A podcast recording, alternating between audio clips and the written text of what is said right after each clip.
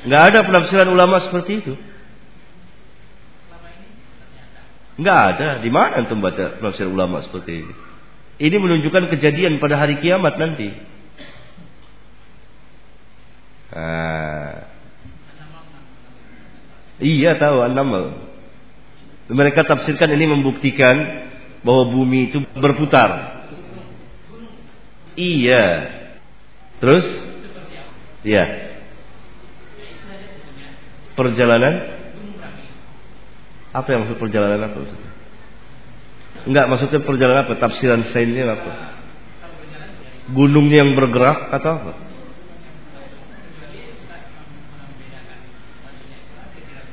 Uh, ini uh, ditafsirkan justru oleh mereka menunjukkan bahwa bumi ini berputar mengelilingi matahari. Mungkin ada tafsiran yang baru seperti itu. Terus Pak? Iya. Pertama-tama yang harus kita ketahui bahwa Al-Quranul Karim bukan kitab sains dan bukan ensiklopedi dan bukan kumpulan ilmu-ilmu kauniyah tapi Al-Quran sebagaimana yang Allah katakan شهر رمضان الذي أنزل فيه القرآن هدى للناس وبينات من الهدى والفرقان هدى للناس ya kalau bertepatan sains dengan nas Al-Quran bukan maksud Al-Quran ingin mengajarkan kepada manusia tentang sains tidak tapi ingin menjelaskan kebenaran Muhammad sallallahu alaihi wasallam sebagai nabi dan rasul yang diturunkan kepadanya Al-Qur'an. Dan Al-Qur'an adalah kalamullah, bukan perkataan manusia.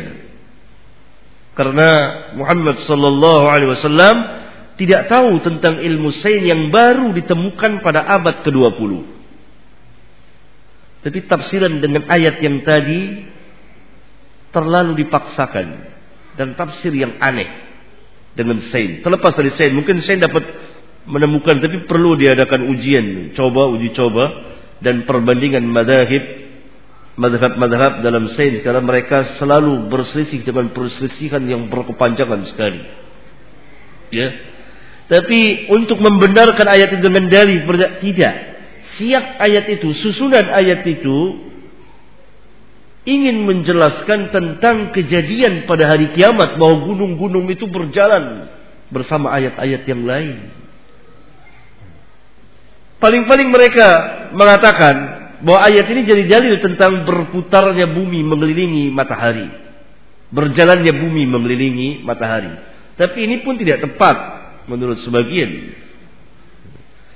Karena apabila kita ingin menafsirkan satu ayat, lihat ayat sebelum dan sesudahnya dan ayat-ayat yang berkaitan dengannya. Karena Al-Qur'an yufassiru ba'dahu ba'dan. Saling menafsirkan satu dengan yang lainnya. Dan susunan ayat yang mulia ini ingin menjelaskan tentang kejadian pada yaumul kiamah jadi tidak tempat kalau dipaksakan ke situ. Ada ayat-ayat yang sesuai dengan sains. Dan sains baru membuktikannya pada abad 20 ini. Seperti firman Allah wasyamsu tajri li mustaqarrin dan matahari berjalan di tempat yang telah ditetapkan baginya. Berjalan dari satu tempat ke tempat yang lain. Ini arti tajri menurut bahasa Arab. Al-intiqal min makan ilal makan.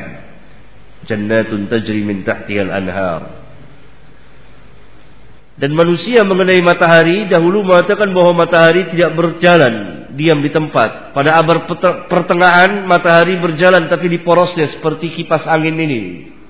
Dan sampai sekarang orang masih belajar dengan cara seperti itu meyakini. Berarti itu pelajaran pada abad pertengahan. Matahari itu diam dan berjalan di porosnya. Dan ini bertentangan dengan sains yang ditemukan pada abad ke-20. Bahwa matahari itu berjalan di alam raya ini Sesuai dengan apa yang dikatakan Al-Quran. Wasyamsu tajri limustaqarillaha. Berjalan tidak pernah berhenti di alam raya ini. Sehingga para ilmuwan barat baru menyatakan pada abad ke-20 bahwa matahari ini sebenarnya tidak diam di tempat di porosnya berputar, tapi dia berjalan di alam raya ini. Dimasukkan di kitab ensiklopedia ensiklopedia baik ensiklopedia Islam maupun yang lain terangkan. Ini contoh yang bertepatan dengan uh, sains. Wassama'i dzatil buruj. Demi langit yang mempunyai buruj. Tempat perjalanan bintang-bintang. Bahwa bintang-bintang itu mempunyai perjalanan mempunyai tempat dan mempunyai tingkatan-tingkatan dari mana Nabi Shallallahu Alaihi Wasallam mengetahuinya atau yang orang katakan galaksi tempat perjalanan bintang-bintang dan seterusnya banyak sekali. Fi falaki yasbahun. Semuanya berenang di falaknya, berjalan di falaknya. Di tempat peredarannya. Yasbahun. Kata Syekhul Isai bin Taimiyah di kitabnya Ar-Raddu 'ala al-Mantiqiyin berjalan dengan cepat. Nabi tidak mengetahuinya. Dan ini adalah firman Allah.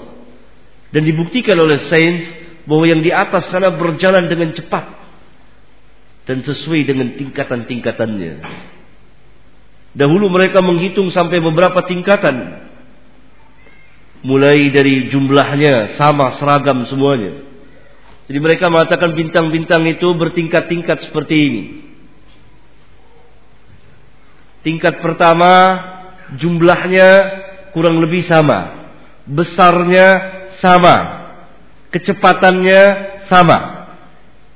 Tingkatan kedua lebih besar lagi, lebih cepat lagi, lebih banyak lagi dan seterusnya dan seterusnya. Sampai 21 tingkat. Dan Al-Quran telah menjelaskannya. Sains baru saja menemukannya. Dan masih banyak lagi contoh yang lain.